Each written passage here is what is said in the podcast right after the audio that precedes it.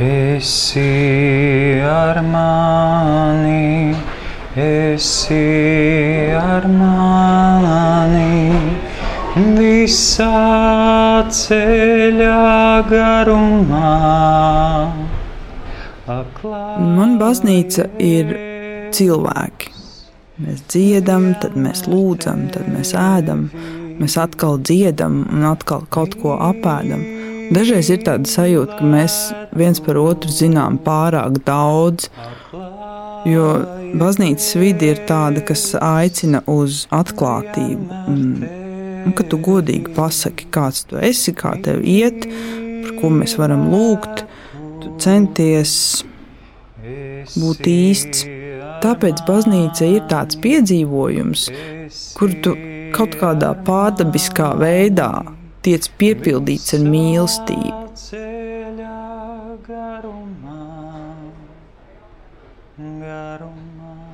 Jūs gribat mēģināt? es nezinu, varbūt man ir garāks rokas.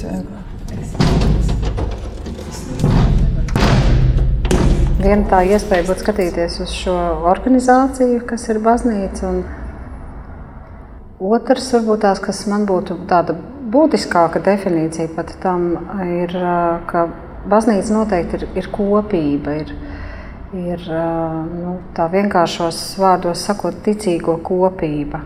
Mēs ar Dāci Balodi satiekamies Latvijas Universitātē, Teoloģijas fakultātē. Viņa tur ir dekāne, un viņa ir arī mācītāja. Nu, ir vēsturiski, protams, bijušas ļoti dažādas atbildes uz to. Ir arī domāts par to universālo, neredzamo, un, un vēl, tas lielais un pārliecīgais varbūt nu, ideālā gadījumā īstenojas tajā pieņemošajā praksē, tādā atvērtībā un, un cieņā cilvēkiem vienam pret otru. Nu, Bībeles vārdiem runājot, mīlestībā jau vienam pret otru. Es esmu pamanījusi, ka Latvijā, ja ir kāds jautājums, kas ir sasāpējis. Piemēram, likumības grozījumi jāpieņem vai jāiestājas par vai pret Stambulas konvenciju vai partnerattiecību likumu.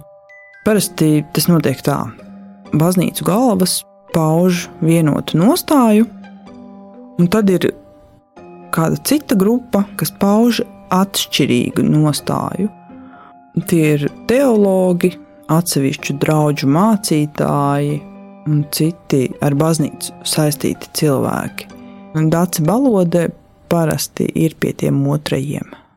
Un, man liekas, par to vispār nebūtu jāsatraucās. Jo tas ir kaut kas tik normāls un dabisks vienā demokrātiskā sabiedrībā, ka mums ir dažādi viedokļi par kaut kādu jautājumu. Kā mēs varētu domāt viens par otru, dažādas puses. Nu, neuzreiz demonizējot tos. Un tagad šitie te šķeltnieki, nezinu, no, no sātana un no viskaut kā. Bet varbūt tās būtu vērts veidot dialogu dažādām pusēm. Man tas liktos ļoti svarīgi, ka mēs Latvijā attīstām šo dialogu. Mēs bieži vien runājam par kaut kādiem cilvēkiem, kaut kādā noteiktā kontekstā, varbūt nerunājam ar šiem cilvēkiem. Visā ceļā garumā. Šis ir podkāsts Mieres ar tevi. Stāsts par cilvēkiem, baznīcu, mīlestību un seksualitāti. Mīlētu. Mani sauc Marta Herca. Trešā epizode Esi ar mani. Vienmēr tevi mīlētu. Laikam ir jāpiepildās ar Tas varbūt ir tāds teoloģisks, teoloģisks domāšanas veids, ja, ka ir tas chronos, ir tā, tas, ko mēs skaitām, vai ne, un ir tas kairos, kad ir tas, tas brīdis, tas piepildījums, tas moments, kad kaut kas notiek. Un, uh, es domāju par daudzām lietām, arī par to pašu sieviešu ordināciju. Arī vēl tas kairos nav. Vēl nav. Bet uh, es esmu pārliecināta arī, ka tas kairos viņš nobriest, bet tas pie tās briešanas pieder nu, tas, ko mēs tagad darām. Sarunas, tāda domāšana, pilināšana, tas man tie mazie pilieni, visi tie kaut ko dod, līdz tas kaut kādā brīdī var piepildīties. Latvijas evaņģēliski Lutheriskā baznīca 2016. gadā pieņēma lēmumu aizliegt sieviešu ordināciju. Man ir viena tāda huligāniska epizode. Es ar dažiem domu biedriem nolēmām sinodas laikā uztaisīt tādu protesta akciju. Mēs aicinājām cilvēkus uz krekliem uzlīmēt lapiņas ar dažādiem tekstiem, piemēram, mūs tāpat kā dievu interesē tikai tas, kas tev starp kājām. Un tad nostāties tā, lai visi mācītāji, kas iet balsot, lai viņi redz, ka mēs nepiekrītam līdz brīdim, kad pēkšņi nolēma to, ka sievietes nevar būt mācītājas, vai nu, ka mēs no jauna neordinēsim. Man tas bija šokējoši, jo tur bija nu, mana pirmā mācītāja. Tas bija kaut tāds pārsteigums, kur mēs esam. No... Man bija tieši tāpatās. Es tieši tāpatās no Kūdijas, kur Dārts darbojās. Es atbraucu uz Rīgu, iestājos teoloģijas fakultātē un es satieku Dārts Rubļevsku šeit Rīgā. Viņa arī studēja. Un viņi saka, nu jā, Mūs jau te daži kolēģi par raganām tur. kā? Par kā par raganu? Kā? Ka, kas vispār, par ko ir vispār runa? Kāpēc? un te es uzzināju Rīgā, ka ā, izrādās, jā, sieviete nevar būt mācītāja. Tā. Jūs droši vien domājat, ka es tagad stāstīšu par to, ka jā, es arī kādreiz domāju, ka sievietes nevar būt mācītājas. Bet nē, šajā bedrē es neiekritu. Es vienmēr esmu domājis, ka sievietes ir līdzvērtīgas vīriešiem un nav nekā tāda, ko viņas varētu darīt sliktāk tikai tāpēc, ka viņas ir sievietes. Es domāju, ka kristīgā tradīcija eh, vispār ir bijusi nu, ļoti dažādi un reizēm pārāk uzmanīgi ar, ar seksualitātes jautājumiem vai pārāk noraidoši.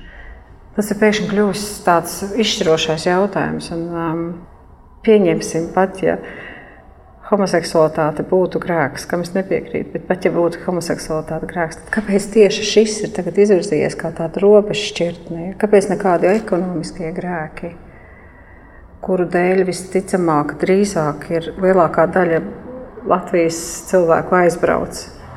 Es domāju, ka viens ir tā. Nu, tur es domāju, ļoti, tas arī tur, tam nav tikai tāda viena iemesla, kāpēc tas tā izveidojās. Es domāju, viens ir tāda instinktīva izdzīvošanas um, vajadzība. Tas viens ir, kāpēc pēkšņi šis te ir. Bet otrs, es tiešām domāju, ka tas ir tāds varas iefokusēts jautājums. Ja? Daudz vieglāk padarīt par to grēkāzi homoseksualitāti, kā piemēram, nezinu, runāt tiešām par šiem ekonomiskajiem grēkiem. Es eh, no savas pieredzes atceros to, ka es biju Baptistu baznīcā, un tad eh, es turpināju iet uz šo baznīcu ar savu sievu un bērniem. Un es atceros to sajūtu, ka man jāpaliek te līdz pēdējiem, cik ilgi vien es varu izturēt es izmainīšu to nu, vismaz šo mazo draugu, kur es visus cilvēkus pazīstu, un, un ka mums te notiks kaut kāda revolūcija. Svarīgi ir, ir palikt.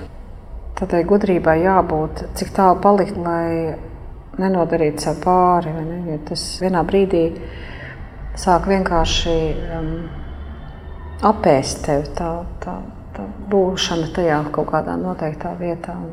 Man bija tā pieredze būt jā, ar, ar sieviešu ordināciju, un arī tāpat man bija ļoti svarīgi būt tur, kur es esmu, tajā baznīcā, kur es esmu aicināta. Tad es pilnīgi, nu, tiešām tā vienā brīdī tas piedzīvojums tāds, ka nu, tagad tu esi brīvi iet arī citur ne, un, un piepildīt to aicinājumu, kā tu to saproti. Cilvēki, kas nav saistīti ar baznīcu, man eh, uzdeva jautājumu, kāpēc tu vienkārši neej prom? Tas taču visu atrisinātu. Un tad es domāju pie sevis, ka es jau pietiekami ilgi esmu ignorējusi kādu nozīmīgu savas identitātes daļu. Man it kā ir iestrādes, nu es varētu, es varētu to izdarīt, bet es zinu, ka tas atrisina lietas tikai īstermiņā. Es teiktu, tā, ka ja cilvēks ir, ir tāda jautājoša būtne, kurai ir ļoti svarīgas kaut kādas atbildes uz tādiem eksistenciāliem jautājumiem. Es satikos ar reliģiju pētnieci un filozofijas doktori Agitu Misāni, lai saprastu, kāpēc cilvēkiem reliģija ir tik svarīga kas mēs esam, no kurienes mēs nākam, kur mēs ejam, kas būs pēc nāves, ja tur vispār kaut kas būs, vai, vai tā ir pārvarama, kā mums labāk veidot attiecības cilvēku starpā un, un, un tā tālāk. Un tad viena daļa no tām atbildēm uz šiem jautājumiem ir ar atsauci uz pārdabisko. Ja mēs paskatāmies uz to, kā, kā reliģijas ierakstās šajā visā sociālajā audumā, tad tas ir viens veids, kas nu, ļoti labi palīdz saprast, ja saprot to reliģiju, kas tajā sabiedrībā ir vai nav. Jā, tad jūs ļoti daudz uzreiz varat pateikt par to sabiedrību.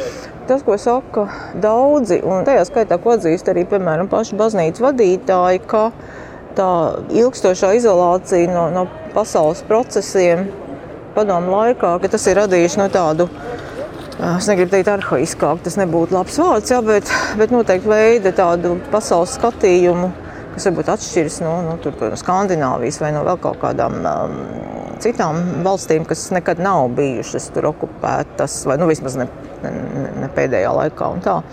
Ja mēs pieņemam to, ka ir daļa cilvēku, un daļa no viņiem arī ir baznīcā, viņi uzskata, ka baznīcai vajadzētu mainīt savu nostāju attiecībā pret gejiem, lesbietēm un transpersonām.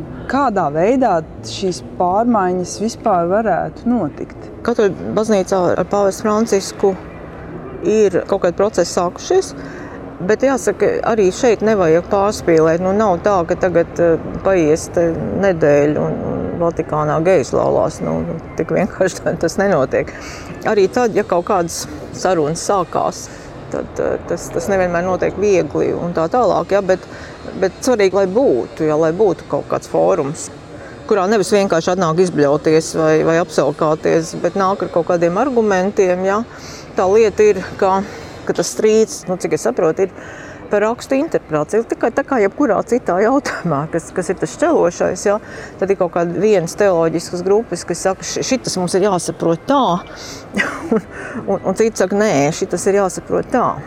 No tā, kā saprot konkrēts rakstu vietas, jā, šo hermenētisko pieeju, tad ir, ir nu, ļoti daudz, ir atkarīgs ļoti reāls cilvēku dzīves, jā, pārmaiņas vai nē kā tad varētu notikt pārmaiņas baznīcā tieši mūsu reģionā? Kā vienmēr notiek pārmaiņas baznīcās, Kā? ir jābūt cilvēki, ja, ir cilvēki, kuri grib šādas pārmaiņas. Sāksim ar to, ja ir jābūt kaut kādai grupai, kas šīs pārmaiņas vēlās, un šai grupai ir jābūt pietiekami lielam atbalstam. Un šai grupai ir jādabū savā pusē pārējie. Nu, tā teiksim. Nu. Visi eksperti, ar kuriem es runāju, saka, ka nu, baznīca jau nav nekas tāds atrauts no sabiedrības, ka baznīca ir daļa no sabiedrības. Un, un tad es domāju, vai baznīcai nevajadzētu būt augstākiem standartiem. Jēzus viņš bija ļoti radikāls. Viņš teica, ka sievietes ir vērtīgas Viņš sarunājās ar sievieti, kas pārkāpj laulību. Viņš gāja un pieskārās slimiem cilvēkiem, tiem, kas ir no sabiedrības izraidīti. Jēzum gan bija daudz sekotāju, bet viņa idejas nenāca no vairākuma. Nu, droši vien tā notiks, ka vienā brīdī nu, Latvijas Republikā vienzimuma partneru attiecības, viņa noslēgšana juridiski būs nostiprināta likumdošanā, ātrāk vai vēlāk, es domāju, ka tas notiks. Tad ir jautājums, vai baznīca arī nespiedīs, piemēram, laulāt. Ja? Un es domāju, ka ja baznīcām būtu drošība, ka tā nenotiks. Ka neviens nevarēs piespiest izrakstīt kaut kādu apliecību vai veikt kaut kādu rituālu, ja ko viņi uzskatītu paši par nepieņemamu. Tad es domāju, ka tā situācija būtu varbūt, varbūt vienkāršāka. Sabiedriskās domas aptaujas rāda, ka mēs kļūstam nedaudz iecietīgāki. Tā ir cilvēktiesība eksperte Sigita Zankovska Odiņa. Ja mēs salīdzinām, piemēram, 2019. gada Eirobarometra aptauju ar 2015. gada šo pašu aptauju, tad mēs varam redzēt, ka tie uzlabojumi ir, nu, viņi ir, bet pavisam niecīgi. Burtiski dažos jautājumos tie ir 2%, 3%. Bet uh, es domāju, ka arī mums jāuztver šie daži procenti kā tāda pozitīva zīme. Lai izmērītu sabiedrības attieksmi pret noteiktām grupām, parasti uzdod trīs jautājumus. Ar ko tu negribētu dzīvot kaimiņos, ar ko tu negribētu strādāt kopā, un ar ko tu negribētu, lai tev veidojas ģimenes saites. Un tad, man liekas, ļoti labs tāds rādītājs, pēdējie dati, kas ir pieejami, ir 2020. gadā veikts Domnīcas providus pētījums, kurā ļoti skaidri parādās, ka geji, lesbietes, transpersonas nu, ir to četru, piecu sociālo grupu kategorijā, kas nav mums īpaši vēlams. Un te ir tāda interesanta arī korelācija ar to, Cilvēkiem tiek uzdots jautājums, vai tavā draugu paziņu lokā vispār ir šādi cilvēki. Un mēs redzam, ka tikai 7% aptaujā to saka, jā, manā draugu lokā ir šādi cilvēki. Tas nozīmē, ka mēs savus spriedumus izdarām pat nepazīstot nevienu cilvēku uz pieņēmumu pamatu. Domnīcas providus veiktais pētījums ļauj arī uzzīmēt socioloģisku portretu tiem, kas visnegatīvāk noskaņoti pret lesbietēm, gejiem, biseksuāļiem un transpersonām. Dzimumu atšķirības nav, vienlīdz negatīva attieksme ir abiem dzimumiem. No vecuma grupām izceļas seniori 44%, kas atbildējuši negatīvi, bet kas ir pārsteidzoši, vecumā no 20 līdz 34 gadiem negatīvi atbild 25%. Mēs dzīvojam tiešām ilūzijā, ka mainoties paudzēm, mainīsies arī attieksme, jo attieksme jau nemaina tikai vecums vai paudze. Attieksme maina vide, kurā mēs dzīvojam, ģimene, kurā mēs dzīvojam, mēdīņu telpa, kuru mēs lietojam, un, un daudz un dažādi šie aspekti. Pastoties vēl uz to, kam tad ir šī negatīvākā attieksme, protams, Tie ir cilvēki ar pamatizglītību, ar zemāku izglītības līmeni, nelatvieši, un arī tie cilvēki, kas uh, nestrādā vai kuriem ir zemi ienākumi, un uh, jā, tie cilvēki, kas dzīvo Latvijā, un tur iespējams ir arī zināmā mērā reliģijas jautājums, jo nu, mēs zinām, ka tomēr reliģija ir ļoti liela nozīme Latvijā, un kas mani pašu pārsteidz vidzeme. Ir viena tāda ļoti pārprasta lieta sabiedrībā. Ja mēs kādai mazaisargātai grupai nodrošinām tās tiesības, kas piemīt arī mums ikvienam, vai tās iespējas, kas mums ir ikvienam, mēs uzlabojam ne tikai šīs grupas dzīvi, mēs uzlabojam ikviena mūsu dzīvi, visas sabiedrības situāciju kopumā. Kam jāmainās pirmajam - baznīcai vai sabiedrībai?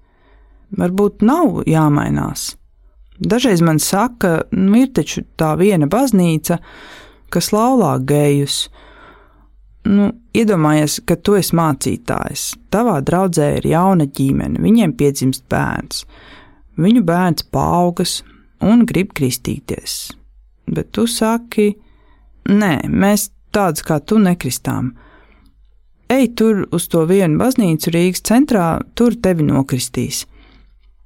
Tu nevari vienkārši sākt iet uz citu baznīcu, jo šī ir tavējā. Baznīca ir cilvēki, tā ir tava kopiena. Tie ir cilvēki, ar kuriem tev ir kaut kāds kopīgs piedzīvojums. Visdrīzāk viņi ir ietekmējuši tavu dzīvi un ticību. Tu gribi, lai viņi ir klāt tavas dzīves nozīmīgākajos brīžos. Šī bija podkāsta Mieru ar tevi trešā epizode. Podkāsta redaktore ir Justīna Savicka, ar tekstiem strādāja Linda Zemberga, Anna Zeihmane, Katrīna Berga, skaņu režisors Jānis Raitums, vizuālo identitāti veidoja Beāte Bērziņa, stāstu veidoja es Marta Herca. Tas kungs lai tevi svētī, un tevi pasargā.